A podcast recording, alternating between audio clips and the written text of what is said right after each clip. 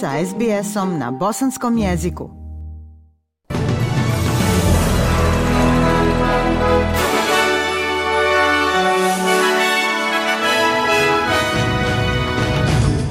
U današnjim vijestima poslušajte, američki vojni avion srušio se u sjevernoj teritoriji sa 20 američkih marinaca. Troje ljudi ubijeno u rasno motivisanom napadu u Sjedinjenim državama. I u sportu australski skakač s motkom Curtis Marshall osvojio bronzanu medalju na svjetskom atletskom prvenstvu u Budimpešti. Američki vojni avion srušio se u sjevernoj teritoriji sa oko 20 američkih marinaca. Koliko se razumije, svi koji su bili u avionu su preživjeli, ali nekoliko njih se oporavlja. Nagibni rotor V-22 Osprey srušio se tokom treninga. Vjeruje se da nijedan Australac nije bio u avionu u to vrijeme.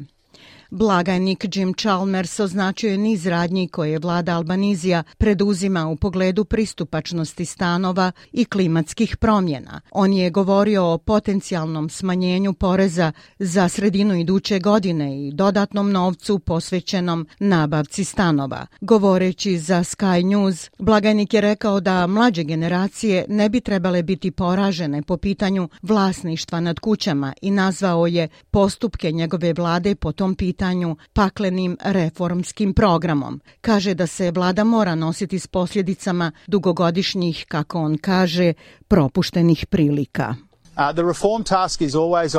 Reforma je uvijek aktualna u ovoj zemlji, a jedan od razloga zašto nismo dovoljno napredovali u velikim izazovima izloženim u međugeneracijskom izvještaju je taj što smo protračili deceniju propuštenih prilika, a Australci sada plaćaju cijenu za to. Imamo veliku ambicioznu agendu reforme.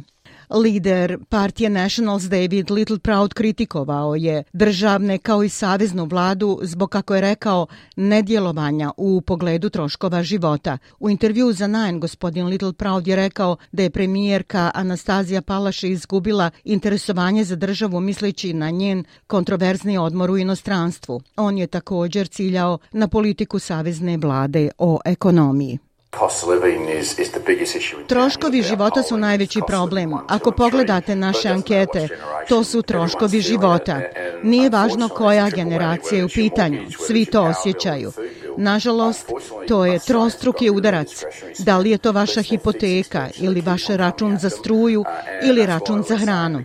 Nažalost, Australci su se riješili svoje diskrecione potrošnje, ali njihov fiksni trošak im stalno pada. Zato kažemo vladi, da je to problem Kambere. David Little Proud je također govorio protiv postepenog ukidanja gasa kao izvora energije rekavši da je gas demonizovan. Vijesti iz svijeta.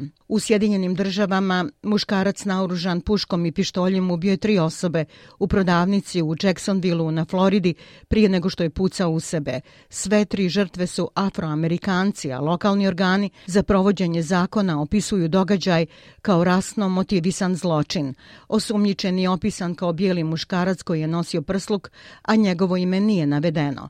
Šerif iz Jacksonvillea T.K. Waters kaže da iza sebe ostavio spise koji su ukazivali da je želio počiniti rasistička ubistva.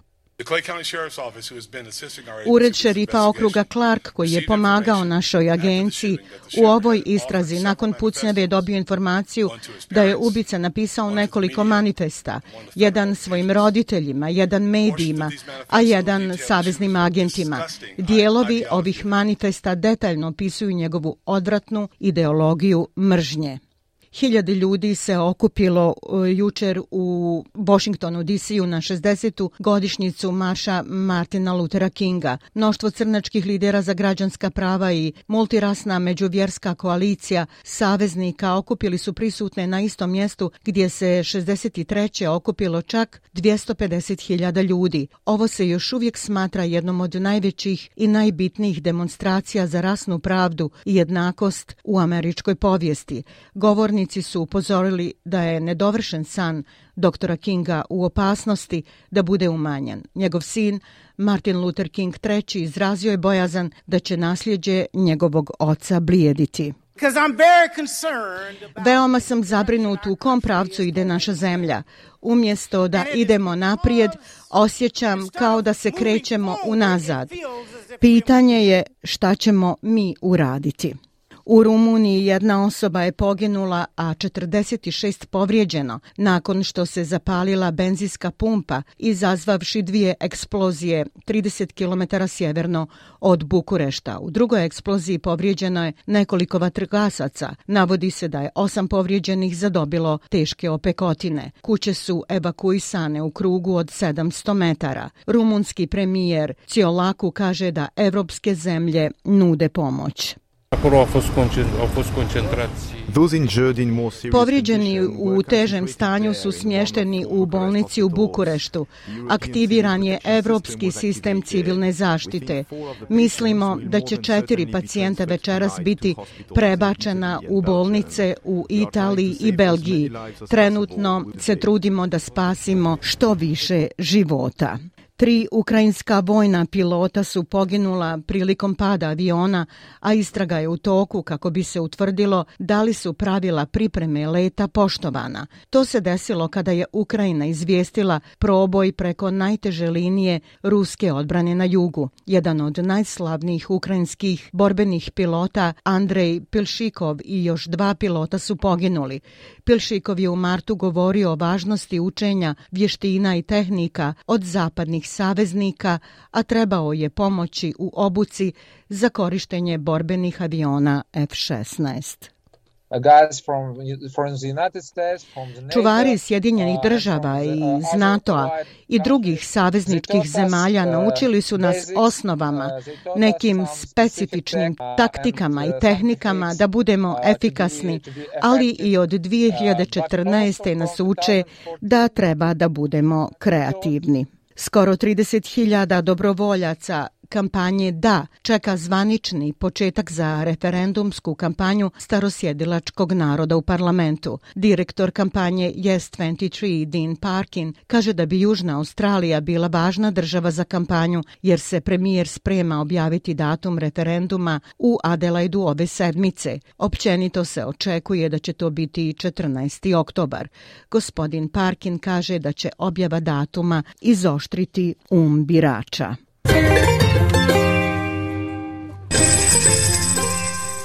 Prema kursnoj listi, australski dolar danas vrijedi 0,64 američkog dolara, 0,59 eura, 0,50 britanske funte te 1,16 bosanske konvertibilne marke.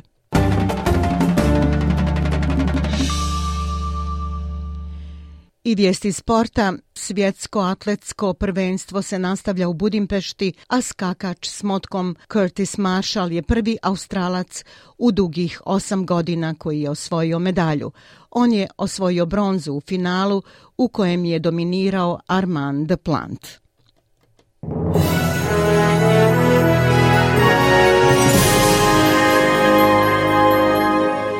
Za kraj vijesti poslušajte temperaturne vrijednosti za veće gradove u Australiji. U Pertu je oblačno 23, Adelaidu 17, u Melbourneu 16, u Hobartu 14, u Kamberi pljuskovi 19, u Sidneju uglavnom sunčano 21, u Brisbaneu 25 i u Darwinu također sunčano 34 stepena. Bile su ovo vijesti SBS-a na bosanskom jeziku. Ja sam Aisha Hadži Ahmetović. Ostanite i dalje s nama.